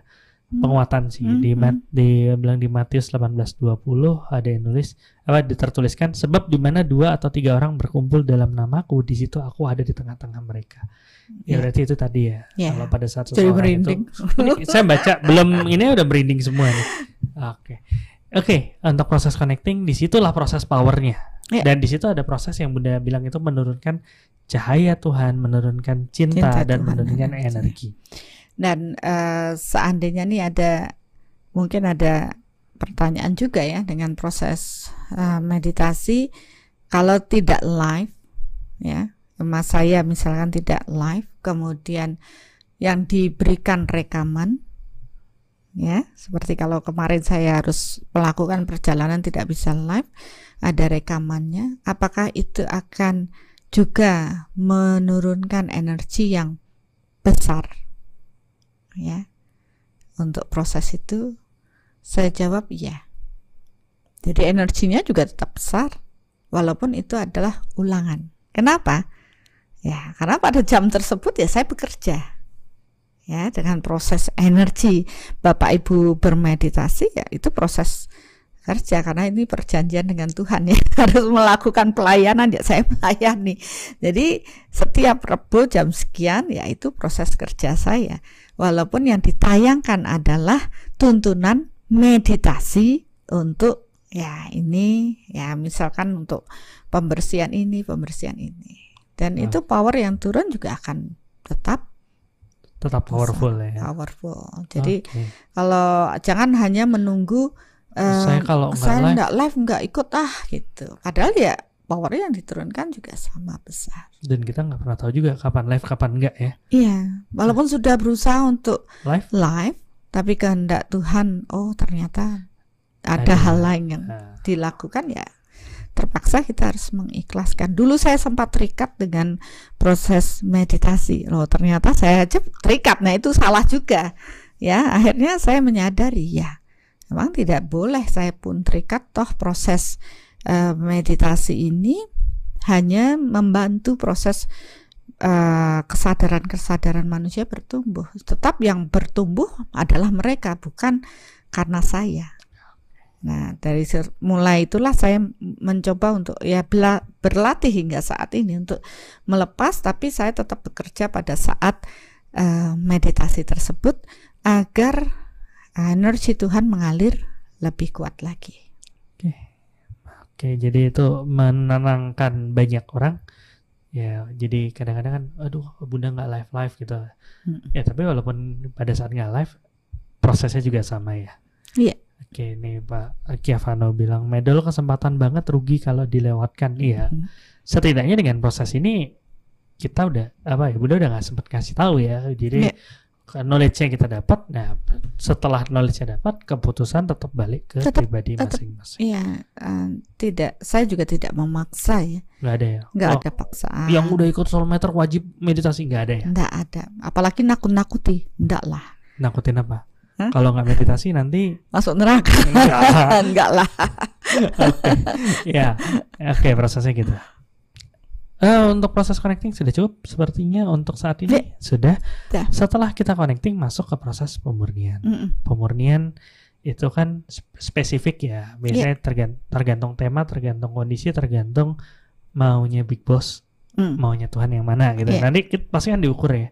Eh, mungkin teman-teman eh ngerasa kadang-kadang kok itu yang keluar atau kaget atau gimana jangan khawatir di studio pun pada kaget-kaget gitu. jadi kadang-kadang eh, sebelum sebelum eh, mulai bunda udah bilang kita bahas ini ya ini ya oke pada saat udah mulai tada, loh kok jadinya ini katanya itu gitu tapi ya begitulah soul reflection Tapi ya, ya namanya juga berlatih untuk tidak ego ya. Ya harus menerima. Oh ya inilah yang menjadi kehendak Tuhan ya kita mengikut dan biasanya ketika kita berserah tanpa ada keinginan eh, kita mengikuti kehendak Tuhan yang berjalan kita sendiri terkejut ya. Luar Ya. biasa ternyata Tuhan tuh detail banget. Sampai segitunya tahu ya kita manusia apalah. Tapi ya itu bersyukur eh, dapat ya melakukan pelayanan dengan baik Oke, nah terus kalau untuk proses itu kan Bunda biasanya eh, ya dengan banget dengan pengetahuannya Bunda dengan proses soul meternya tahu oh nih sebaiknya kita eh, bersihin A nih, Ya. karena dalam diri kita ini kan banyak banget nih informasi Mm-mm. nih. D- eh, nggak tahu sih apa aja deh ada rekaman ini rekaman itu ada marah segala macam dan Bunda akhirnya oh ya udah sekarang kita fokus ke sini. Proses memfokuskan itu sesuatu yang penting ya Bunda. penting ya Penting Eh. aja atau penting banget? penting banget Kenapa? Eh memang pada proses mempu energi itu perlu difokuskan. Ya sama seperti kalau sinar matahari pakai apa kaca apa? Loop loop ah, akhirnya akan menimbulkan bisa api, bakar ya? bisa membakar. Demikian juga energi.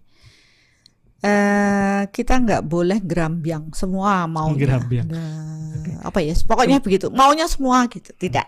Tapi harus fokus makanya eh setiap proses meditasi soul reflection saya selalu em, mencari apa mengamati ya apa kehendak Tuhan itu energi ini difokuskan untuk apa. Ya entah itu dengan eh, di bidang kesehatan hubungan kemakmuran spiritual atau hal yang memang perlu difokuskan. Makanya kenapa meditasinya beda-beda ya karena begitu difokuskan energi kita akan mengarah di situ untuk mampu membersihkan semua pendaman-pendaman kekotoran batin kita. Nah mm, apa yang kotor-kotor itu dengan energi Tuhan itu difokuskan maka dia dapat melepaskan ya melepaskan kegelapan dari pendaman dari uh, pikiran bawah sadar rekaman kita. Jadi perlu di kayak apa selang itu difokusin untuk gelontor apa got yang mampet gitu. Katakanlah kegelapan itu nyumbat di dalam diri kita sulit untuk dilepaskan. Maka energi Tuhan itu harus difokuskan pada hal yang ingin kita bersihkan. Nah tugas kita hanya fokus di situ saja. Sedangkan yang bekerja ya kekuatan Tuhan. Bukan kitanya. bukan kita. Kalau kita berserah kepada Tuhan tapi kalau kita mempertanyakan, oh nih kok masak gini aja kok bisa ya nggak? Terus caranya ngalirnya bagaimana? Banyak pikiran ruwet, ya, kita nggak bisa fokus. Jadi di sini ada keikhlasan untuk berserah. Ya Tuhan, saya punya ini, saya punya, em, misalnya cemas, fokus pada cemas kita, sadari. Nah ini kan proses mengolah rasa itu bukan dari kita aja, tapi kita melibatkan kekuatan Tuhan untuk melepas dulu, membersihkan dulu pendaman-pendaman negatif dalam diri kita. Dan biarkan energi Tuhan bekerja. Kita Bukan perlu fokus, kitanya. bukan kitanya. Tapi ada peran kita untuk mengatakan ya saya punya itu. Menandai bahwa saya punya itu. Ini proses pertobatan. Kalau dia sombong, oh enggak kok orang saya enggak cemas, orang saya kan baik-baik saja. Ya enggak ada energi yang bekerja, energi Tuhan bekerja karena kita sudah sombong. Tapi begitu dengan kerendahan hati kita mengetahui bahwa oh ya saya masih punya sombong, oh saya masih punya iri hati Tuhan. Begitu kita memurnikan batin ya mengalirkan energi Tuhan pada proses iri yang kita miliki, kita menyadari kita punya iri hati, kita minta maaf ya dan memaafkan dari proses ini, barulah energi Tuhan dapat membersihkan. Jadi kita rasanya plong. Begitu selesai meditasi, rasanya lega. jadi lebih lega. lebih lega. Oke, ini sebenarnya ada pertanyaan sih dari Hmm. Meli Yuki. Hmm. Eh, Bunda ada nggak sih bedanya hasil meditasi soul reflection dengan visualisasi dan tidak divisualisasikan cuma diulang aja kata-katanya dalam hati. Ya tadi itu ya proses memfokuskan. Iya. Tapi nggak juga harus dengan proses visualisasi kan? Eh ya, sekarang tergantung ya. Tergantung pada kemampuan orang tersebut. Ada orang yang visual, dia sulit eh, dia bisanya memvisualkan. Hmm. Tapi ada orang yang tidak visual, dia butuh kata-kata yang detail. Hmm. Nah, nah dalam proses ini ya saya bebaskan. Yang jadi kalau- penting fokus. Yang penting fokus. Kalau memang dia orangnya visual ya visualkan, fokuskan energi ke sana. Cemasnya divisualkan. Oh ini ditandai. Bagi yang tidak visual ya ikuti tuntunan kata-kata saya. Ke mana arahnya energi tersebut? Yang penting fokus energi perlu difokuskan pada hal-hal yang akan kita bersihkan. Ya memang beberapa orang mengatakan, ah masa gitu aja bisa bersih, ya. Saya hanya bisa ngomong apa ya memang bersih kalau kita benar-benar energi itu benar-benar ngalir, gitu. Ya bisa membuktikan bersih tidaknya ya gunakan soul meter. Ya kalau nggak di dengan pembuktian soul meter, ya kita nggak bisa apa ya teridentifikasi dengan baik, terukur dengan baik ya. Oleh karena itu banyak sekali orang yang bermeditasi walah ini cuma eh, apa ya tidak benar-benar pikirannya fokus ke hal yang akan kita bersihkan tapi malah ngelantur ke mana-mana. Hasilnya setelah proses meditasi karena tidak difokuskan ya akhirnya nggak nggak terselesaikan gitu. Makanya saya bilang oh ini saya sudah ini bahagia saya sudah 10 10 apanya? Saya bilang gitu. Orang ini aja cemasnya masih banyak marahnya masih banyak. Berarti pada waktu tadi meditasi pemurnian batin tidak benar-benar me- menyadari proses dirinya ya tidak benar-benar fokus pada eh, dirinya Oke, jem, ya kebanyakan, ya mungkin itu cerita teman-teman banyak yang kayak gitu ya. Ya dia nggak nggak nggak memfokuskan diri. Cuman ada beberapa orang juga dia pengen fokus bunda, pengen banget Mm-mm. fokus. Cuman bingung gitu. Gimana sih caranya biar meditasi online tuh pikiran fokus nggak loncat ke mana-mana. Walaupun bunda bilang lakukan A B C D, maunya gitu. Tapi pikirannya ke kanan, ke kiri. Ya, Itu- kalau kalau mereka yang baru awal berlatih meditasi pasti akan demikian. Coba masih ada untungnya nih. Untungnya, Ya saya kan nuntun ngarahin.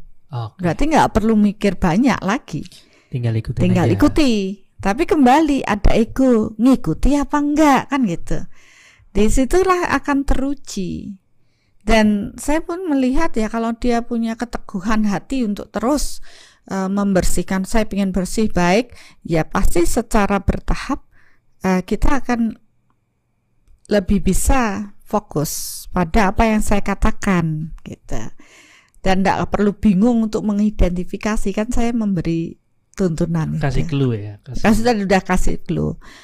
Nah, terus gimana kalau pikiran loncat-loncat? Ya jangan dimanjakan pikiran kita loncat-loncat. Seringkali kita memanjakan diri, menganggap bahwa pikiran meloncat-loncat itu wajar aja deh gitu. Kenapa begitu? Karena ya mereka nggak belum paham nih bahwa pikiran dia memproduksi pikiran-pikiran negatif itu berarti dia menanam hal negatif untuk dirinya. Oke. Kalau mereka sudah sadar, tentu dia akan mengatakan stop untuk pikiran negatif tersebut. Tidak akan melanjutkan. Karena kan pikiran juga sebenarnya kita yang kontrol. Berarti kontrol terhadap pikiran kita belum bagus. Ya, kalau dia tetap membiarkan loncat-loncat kayak monyet gitu. Nah, di sinilah Bapak Ibu harus bila, bisa mengatakan stop pada hanya sampai pikiran pertama. Begitu mau ngelantur, ah enggak, saya meditasi. Begitu muncul lagi, enggak, enggak, saya enggak akan melanjutkan. Itu lama-lama akan terlatih. Jadi, Nah, proses mendilit tadi cemas, takut yang apa kualitas negatif dalam diri itu termasuk mendilit juga nanti pikiran negatif tadi. Sehingga kalau terus menerus pemurnian batin sering kali sudah mulai tenang ya, tidak ruwet lagi karena yang ruwet-ruwet kan sudah didilit, dibersihkan dengan energi Tuhan. makin lama makin tenang, makin tenang ya. Makin lama makin tenang. Ya, ada yang bilang fokusnya di nafas ya, Bun. Kalau saya tidak fokus di napas, nah, ini ini berbeda lagi nih. Kemarin kita bahas masalah pernapasan, Iya. bernapas sama pernapasan.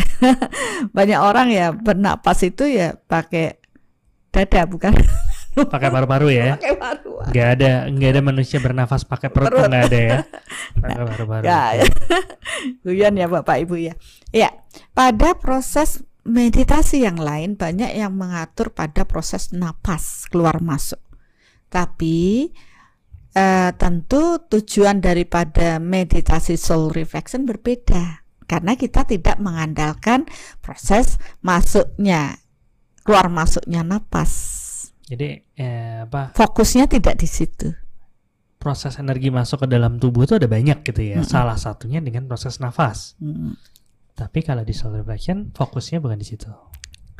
Iya. ini lama-lama jadi panjang ini kalau pertanyaannya banyak. Tapi ya, Eh, saya juga bingung, tapi ya perlu dijawab. Oke. Ya, jadi, ya, ya, karena- ya sudah, saya ya nyerah. sudahlah, kita ngikut alur aja deh. Semakin banyak pertanyaan, semakin panjang podcastnya. tapi kalau ini membantu, kenapa tidak ya? Eh, banyak meditasi yang mereka lebih fokus pada napas. Ya, karena untuk membuat dengan pernapasan tarik napas, menghembuskan napas itu membuat orang lebih rileks. Tapi tujuan daripada meditasi soul reflection bukan untuk bikin rileks tubuh. Ingat ya, pernapasan lebih banyak untuk rileks tubuh. Sedangkan meditasi soul reflection bukan untuk rileks tubuh, tapi kalau saya bilang untuk lebih ke proses pendaman ya em, pemurnian batin. Batin itu dalam ya, bukan bukan fisik. Ini lebih ke proses energi. Batin itu tidak terlihat dari proses energi. Oleh karena itu, fokus saya pada proses soul reflection adalah connecting, keterhubungan dengan Tuhan. Kenapa? Karena ini berbeda. Pada pernapasan, orang melakukan meditasi fokus pada napas yang mereka bersihkan, yang mereka bikin nyaman adalah tubuh fisik. Sedangkan pada soul reflection fokus pada kebersihan batin, maka dibutuhkan power yang besar, yaitu proses keterhubungan dengan Tuhan. Kalau cuma fokus pada napas, ya prosesnya hanya berkutat pada fisik aja, karena fokusnya hanya pada napas, nafas tarik keluar, masuk tubuh rileks. Tapi karena yang dibersihkan adalah batin, batiniah energi, maka kita butuh sumber energi yaitu dari kekuatan Tuhan. Maka butuh proses connecting. Ya. Mungkin kalau nanti dicari model-model meditasi jarang yang pakai connecting, melibatkan kekuatan Tuhan dalam proses meditasi. Lebih banyak mereka hanya fokus pada diri. Nah, di sinilah proses keterhubungan dengan Tuhan membutuhkan tahapan, ya, sadari jiwa. Ya, karena yang membawa rekaman batin kita itu jiwa, bukan tubuh fisik kita. Maka selalu saya tuntun sadari jiwa. Nah, setelah sadari jiwa, ini bukan tubuh fisik, tapi semua rekaman yang kita bawa dari proses past life. Ini pemurnian lebih dalam. Setelah jiwa, sadari kita terhubung dengan jiwa luhur karena kita butuh jembatan untuk dapat menghadirkan kekuatan Tuhan. Ini energi besar digelontor dengan cahaya cinta energi Tuhan. Maka saya harus ngukurin dulu, bertahap nunggu dulu supaya cahaya Tuhan benar masuk, cinta Tuhan benar masuk, energi Tuhan benar masuk, baru difokuskan untuk hal-hal yang akan dibersihkan pada kedalaman batin kita. Itu frekuensi-frekuensi yang lebih rendah, rekaman-rekamannya. Semakin rendah hati seseorang, maka dia akan mampu menerima energi Tuhan mengalir dalam dirinya. Semakin sombong seseorang, gak ada energi Tuhan yang bisa masuk karena hukumnya sejenis menarik sejenis. Nah, ini ini penting gitu loh. Nah, oleh karena itu, saya yakin sekali yang mau meditasi soul reflection dan mendapat manfaat adalah mereka yang punya kerendahan hati ya untuk menerima energi Tuhan. Ya, setelah proses itu fokus pada hal yang mau kita murnikan. Bagi mereka yang sudah bisa soul matter, identifikasi saya masih punya apa sih? Marah. Oh, saya masih punya marah, minta maaf. Libatkan kekuatan Tuhan untuk proses memaafkan dan meminta maaf. Nah, usaha sendiri gak bisa. Ego manusia cukup tinggi untuk bisa minta maaf atau memaafkan. Tapi begitu kekuatan Tuhan turun, ya pasti ada rasanya gitu ya, rasa-rasa yang membuat seseorang mampu masuk pada frekuensi yang lebih rendah. Itu sebenarnya connecting. Sehingga kita dapat membersihkan lapisan-lapisan terdalam dari rekaman diri kita, bukan hanya di permukaan saja maka banyak yang merasakan wah setelah ini kok lebih ringan lagi. Karena yang pendaman di dalam ini banyak terbersihkan. Jadi candaan orang yang bilang ah kamu berat nih beratnya berat dosa. Itu maksudnya eh, gitu ya kalau semakin kita apa pendaman-pendaman segala macam itu di dalam diri pada saat itu dibersihkan ya bukan berat badan yang turun ya tapi rasanya jadi lebih lega lebih ringan gitu ya. Kadang-kadang ada yang bilang wah gila bunda nih ini ilmu meringankan tubuh ya membuat membuat badan jadi rasanya lebih apa ya lebih ringan gitu ya. Literally ngerasanya seperti itu. Iya. Makanya beda sekali karena dengan uh, menghadirkan kekuatan Tuhan sama atur napas itu beda sekali powernya gitu. Jadi kenapa saya nggak fokus bab tarik napas keluar napas itu karena power dengan pernapasan itu tidak akan mampu membersihkan pendaman Iya, dan itu akhirnya yang relax ya cuma badannya aja. Tubuh fisik, karena kita berhubungan dengan jiwa, rekaman, past life, semua banyak hal, maka kita butuh power energi yang lebih besar. Dan kalau cuma fokus di tubuh fisik ya nggak akan ngerasa lega selega itu. Enggak, benar. Okay. Dan tidak akan ada perubahan di aura tubuh kita. Karena yang kotornya nggak belum nggak ada yang dibersihin ya. Iya, karena kalau napas rileks aja, tapi kotorannya nggak bersih. Kotorannya nggak bersih? Nggak, karena untuk membersihkan kekotoran batin ini butuh power yang besar. Maka saya bilang ini loh sebenarnya melukat secara batin, bukan fisiknya, pembersihan secara batin gitu. Ya, yeah, soul reflection. Iya. Yeah. Purification ya makanya pembersihan Pem batin. Pemurnian batin. Oke, okay, nah ini uh, tadi Bunda bilang kalau teman-teman yang sudah bisa soul meter bisa lebih di apa namanya bisa lebih diidentifikasi lagi. Maksudnya contohnya waktu itu Bunda bilang oke okay, sadarin kita punya kemarahan misalnya gitu. Berarti mm-hmm. teman-teman yang pakai soul, eh, soul meter langsung ukur alangkah baiknya langsung ukur nih. Mm-hmm. oke okay, oh Bunda bilang kemarahan nih. Emang di dalam diri saya masih ada kemarahan. Oh ternyata masih ada berapa ya? 0.12 oh sekian poin oke okay, fokus sekarang. Uh, habis fokus minta maaf. Bisa segala macam ukur lagi masih ada sisa hmm. apa enggak gitu. kalau masih ada sisa lanjutkan lagi. Lanjutin lagi. Atau nanti mungkin uh, biar nggak mau misalnya saya mau lanjutin tapi takut ketinggalan nih karena bunda udah lanjut ke poin berikutnya. Ya di note aja nanti bisa diulang di proses itu juga bisa ya, ya. tapi mancing ada tapinya. Kalau pas meditasi live jangan eh, nggak uh, perlu mikir ya. Jadi ini bedanya. Eh, kalau pas meditasi itu live jangan mikir. Berserah aja kepada Tuhan. Karena power energi yang turun tentu akan jauh lebih besar dan tugas saya mengukur sampai semuanya bersih jadi oh ya ini energinya sudah bekerja berjalan. Oh ini sudah bersih. Kalau sudah bersih pasti saya lanjut ke ke topik yang lain. Iya. karena kalau, itu berbeda power yang turun. Kalau live, kalau live. Kalau nggak live, kalau nggak live ya itu tadi ukur. Oh masih. Pasti akan ketemu bedanya. Jangan sampai nanti eh, kit- bukanya yang nggak live, udah gitu tiba-tiba bunda bilang, oke semuanya sudah bersih, oh sudah bersih ya? Gitu. ya itu. Cuma ya itu berbedanya. Tapi kalau eh, apa ini live ada ada tiga nih. Tadi saya di, dikasih tahu. Dijelaskan dong. Oke. Live itu langsung ya dengan proses pengukurannya. Tidak live. Live apa eh, live tapping ya? rekaman. Tapping. ya, tapping ah, live, ya. tapping. Itu eh, mengikuti proses itu tapi juga powernya besar karena saya pasti bekerja di sana melakukan pelayanan ya. Kita pilihin karena mungkin saya tidak bisa langsung di depan kamera tapi dari jauh saya pasti akan melakukan tugas saya ya ini.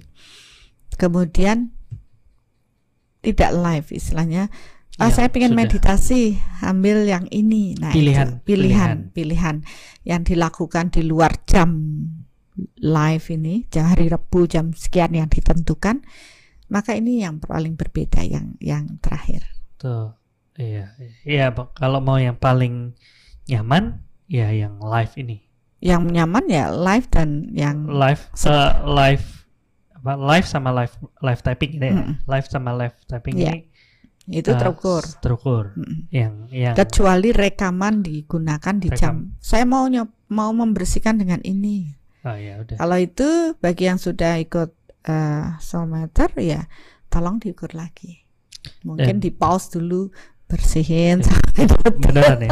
Apabila apa, mari kita bersihkan kemarahan. Apabila sudah tekan next gitu. Oke.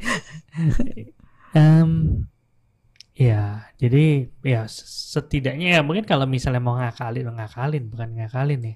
Mau memaksimalkan yang emang eh, recording ya mungkin kalau bisa ada teman-teman ajakin barengan itu bisa membantu ya bunda. ya. Iya. Walaupun nggak barengan di satu tempat kan nggak masalah kan? Bisa ya berasal bersamaan nah, yuk kita dengan apa, fokus yang disam- bersamaan Uh, yuk kita sama-sama nih meditasi eh, ngerdain kecemasan misalnya gitu.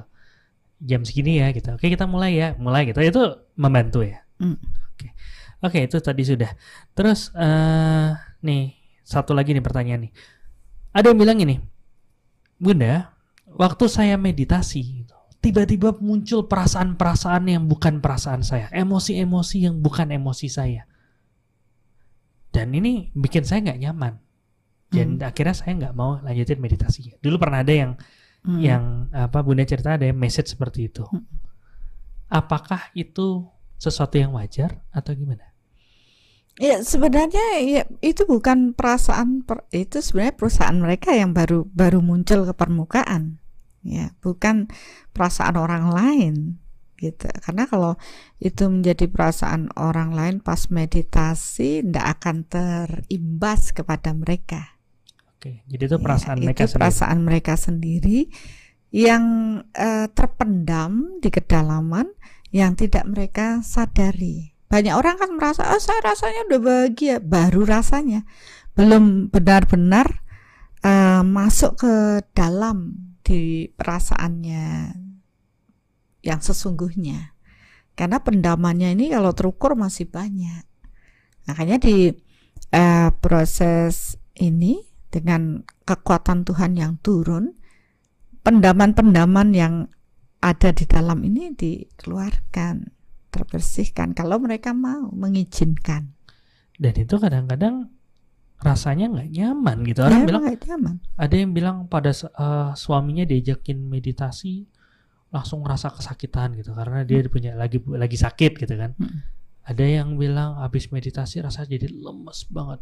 Hmm. Ada yang bilang muncul hal-hal yang ya kayak tadi emosi-emosi yang muncul segala macam. Itu proses pembersihan. Iya, proses pembersihan dan iya kembali ya. Kalau dia banyak pendamannya, nggak cukup hanya sekali meditasi. Orang mereka bikinnya berkali-kali dalam setiap kelahiran.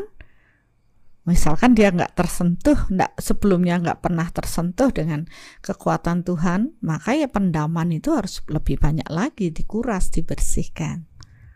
Makanya untuk bisa mencapai pada jiwa-jiwa yang tenang itu ternyata butuh berkali-kali lahir. Nggak bisanya uh, sekali doang terus jiwanya langsung tenang ya enggak. Cuma ya semua perlu upaya. Dan proses pemurnian ini juga berarti ya, identifikasi adalah sesuatu yang penting. Benar ya? Hmm. Power itu sesuatu yang pen sangat penting Mhm.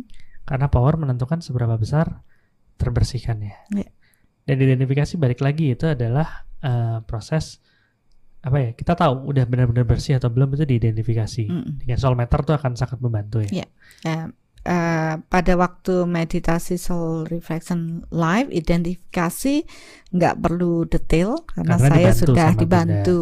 Sedangkan pada saat tidak live atau dilakukan Ulangan. ulangan, ada yang mau ulang-ulang sendiri Pokok- seminggu boleh ya. Pokoknya yang bukan di jadwal aja ya. Yang bukan jadwal hari Rabu meditasi, ya tentu perlu perlu lebih identifikasi. penting identifikasi. terus kalau mau cara bodoh bodoh-bodohan, ya lakukan aja berkali-kali. Yang penting kan sedikit-sedikit terbersih. Nih, ini ilmunya anu nih, ilmunya smart lifestyle ya Gong Tuni ya. Jadi ya saya nggak misalnya dia belum bisa apa belum bisa identifikasi ya udahlah ya rumah mau bersihin yang mana bersihin aja dari depan Bersihin sampai aja belakang kalau ra- rajin membersihkan toh bersih juga. dari depan sampai belakang Oh, Itu diulang lagi depan sampai belakang Ya, walaupun pokoknya saya dulu juga gitu sebelum saya bisa benar-benar mengukur terukur ya saya lakukan sering aja. Walaupun Karena prosesnya prinsip- jadi lebih lama tapi nggak apa-apa. Daripada enggak daripada numpuk kotor kan iya. Kan lebih baik saya bersih-bersih gitu. karena kotoran apalagi kalau ditumpuk lama ya Hmm. eh, apa marah segala macam ditumpuk lama ya jadi masalah ya. Ya, nasi dibiarin seminggu aja bisa keluar belatung kan iya Oke, jadi itu prosesnya untuk proses pemurnian itu sih bun pertanyaan-pertanyaan teman Iya. yang udah saya rangkum gitu. Hmm. Kira-kira ada yang mau ditambahin lagi? Ada sesuatu yang penting lagi dengan proses Iya, pemurnian? menurut saya ada sesuatu yang penting yang terakhir ya proses top up Oke, sebenarnya kalau ngomongin proses top up, udah cukup banyak bunda bahas di law of attraction ya bunda ya, Iya. sebenarnya. Hmm. Cuman kira-kira selain dari apa yang dibahas di uh, karma, reinkarnasi dan law of attraction, eh sorry bukan karma reinkarnasi, mystery law of attraction dibahas juga di misteri doa. Kira-kira selain itu ada lagi nggak yang diperluin? Tadi pertanyaan apa kenapa nggak di awal udah kejawab. Mm-mm. Tadi ada nanya kan kenapa kok nggak di awal Hmm. top upnya karena semakin bersih semakin, semakin powerful. powerful untuk melakukan top up Mm, ya hasilnya akan lebih berlipat ganda kan gitu. Mm. Eh, kalau di awal saya top up dulu lawang masih kotor kan. Ya ndak ada energi Tuhan yang masuk Mm. gitu. Nah sekarang kita udah paham ya untuk pemurnian ya tolong difokuskan. Kalaupun pikirannya masih liar sadari ya berarti saya belum mengendalikan pikiran saya belum. Saya masih dikendalikan oleh pikiran nah berarti jangan sungkan-sungkan sama pikiran kita bilang stop. Ya jangan dibiarkan aja dimanjain pikirannya jadi ruwet buntut gitu. Namanya memanjakan pikiran. Kita dikuasai oleh pikiran kita. Kita harus bilang stop. Oke saya ikuti meditasi ini. Latihan. Ya apalagi sudah pem- apa pemokusannya sudah saya tuntun. Kan lebih enak itu itu bapak ibu sudah dimanjakan. Nggak perlu usaha sendiri. Ya itu dilakukan. Kemudian ya eh, setelah pemurnian eh, kuncinya adalah kerendahan hati. Kalau sombong nggak jalan deh. Ya bilang aja oh saya kan nggak punya itu. Kali teman saya yang punya iri saya kan nggak punya iri. Siapa bilang eh, ya saya kan bisa sendiri gitu ya ya itu dah makanya rendah hati aja kan lebih bagus dikoreksi Nah, tapi memang nggak semua orang bisa dikoreksi ya. Ya kalau kita rendah hati kita akan bersyukur oh untung untung saya membersihkan iri hati ada kesempatan ya. Jadi ah, lakukan saja dan terakhir top up ini. Nah, Hmm. pada proses top up karena kita sudah termurnikan, tentu power energi kita, kekuatan Tuhan yang bekerja dalam diri kita lebih besar. Kapasitas semakin kapasitas besar. semakin besar, kita bisa meradiasikan hal menanam pada radius yang lebih luas, Lebih ya powerful juga, lebih, banyak juga. dan lebih banyak lagi. Jadi bukan berarti bahwa oh saya mendoakan eh, saya biarlah semua orang itu semua orang itu menjadi lebih sehat misalkan. Niatan kita kan semua orang itu seluruh bumi ya. Kalau bisa jangkauannya, tapi ternyata nggak begitu gitu. Jangkauan kita ya sesuai kapasitas yang mampu kita alirkan. Ya energi kita mengalirnya sampai di mana? Ya energi Tuhan yang mampu kita alirkan. Jadi semakin rajin nanti kita bersih bersih, kapasitas kita semakin meluas ya dan lebih banyak jiwa lagi yang mampu kita layani. Ya, jadi semua butuh berlatih. Jangan eh, sombong merasa bos saya sendiri saya bisa eh, meradiasikan cinta untuk satu bumi gitu. Malah saya yang kaget satu orang ya baru belajar tentu paling radiasinya belum sebesar itu tapi ya oke lah Iya. lebih baik kita melakukan ya seberapa jangkauan yang bisa kita lakukan. Jadi eh, istilahnya gini ya, s- ya itu proses sombong, kesombongan segala Mm. macam. Kita jadi kenali diri kita seberapa kapasitas kita Mm, gitu ya. mm, Kalau mm. misalnya kita bisanya baru semeter ya nggak usah ngomong sesemesta kan gitu. ya. Banyak orang bilang se- semesta tapi eh, baru dilihat radiasi energinya ada nggak ada satu meter ya itu Iya. berarti kan dia belum bisa mengukur kapasitas diri. Makanya ya niatkan saja seberapa eh, kapasitas saya untuk mampu menanam semakin bersih batin kita maka jangkauan radiasi energi yang mampu kita radiasikan semakin luas. Semakin luas. Oke. Dan eh, satu lagi sih yang Bunda selalu ingetin tuh kan apa? Jangan sampai ngebet ya waktu dalam Iya. proses. Mohon maaf banyak bahasa-bahasa ajaib Hmm. yang keluar ngebet maksudnya kayak jangan sampai kita terikat. Nah, Hmm. itu. Eh, jadi misalnya kayak pada saat oh ya kita doain orang supaya sembuh gitu kita langsung kebayang mukanya si siapa gitu yang lagi sakit pokoknya harus sembuh gitu segala Nah. Nah, itu Tidak boleh terikat dengan hasil. karena Bebaskan saja. kalau udah terikat ya ego kita yang main Oh, ya. Oke, eh nggak cukup Ya. berarti kalau dengan proses seperti itu nggak cukup, anu ya, nggak cukup kita cuman ngelakuin proses kebaikan via secara langsung aja ya, tapi dengan proses apa namanya eh pikiran dan doa segala macam itu juga naikin kemungkinan kita untuk menanam dan akhirnya memungkinkan apa yang kita sudah bersihin itu nggak mengerus eh, tabungan kita terlalu banyak Hmm. jadi lebih aman, Ya. lebih nyaman. Iya. Ya, mungkin secara gambaran umum nih ya udah nggak umum lagi sih ini udah apa udah spesifik banget nih ngomongin meditasi soul reflection nih gitu. Hmm. Dan ini ada misteri, beberapa misteri lagi yang masih perlu apa masih belum terungkap seperti yang pertama besok Bunda live apa enggak? Dan sampai sekarang itu juga masih menjadi misteri karena beberapa kali Bunda menjanjikan besok kita live ya, eh ternyata nggak bisa. Ya, kali ini nggak sesumbar deh. Ya sudahlah. Pantengin aja, kalau bisa live akan live, kalau nggak bisa ya ya sudah lah. Ya Gitu. tidak terikat.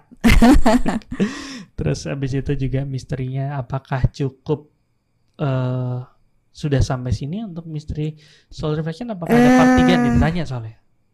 Ya dilihat nanti aja. Tapi kalau dilihat waktunya nih udah jalan dokter Rasul sampai lupa nih lihat jam nih. Ini udah jam berapa tuh?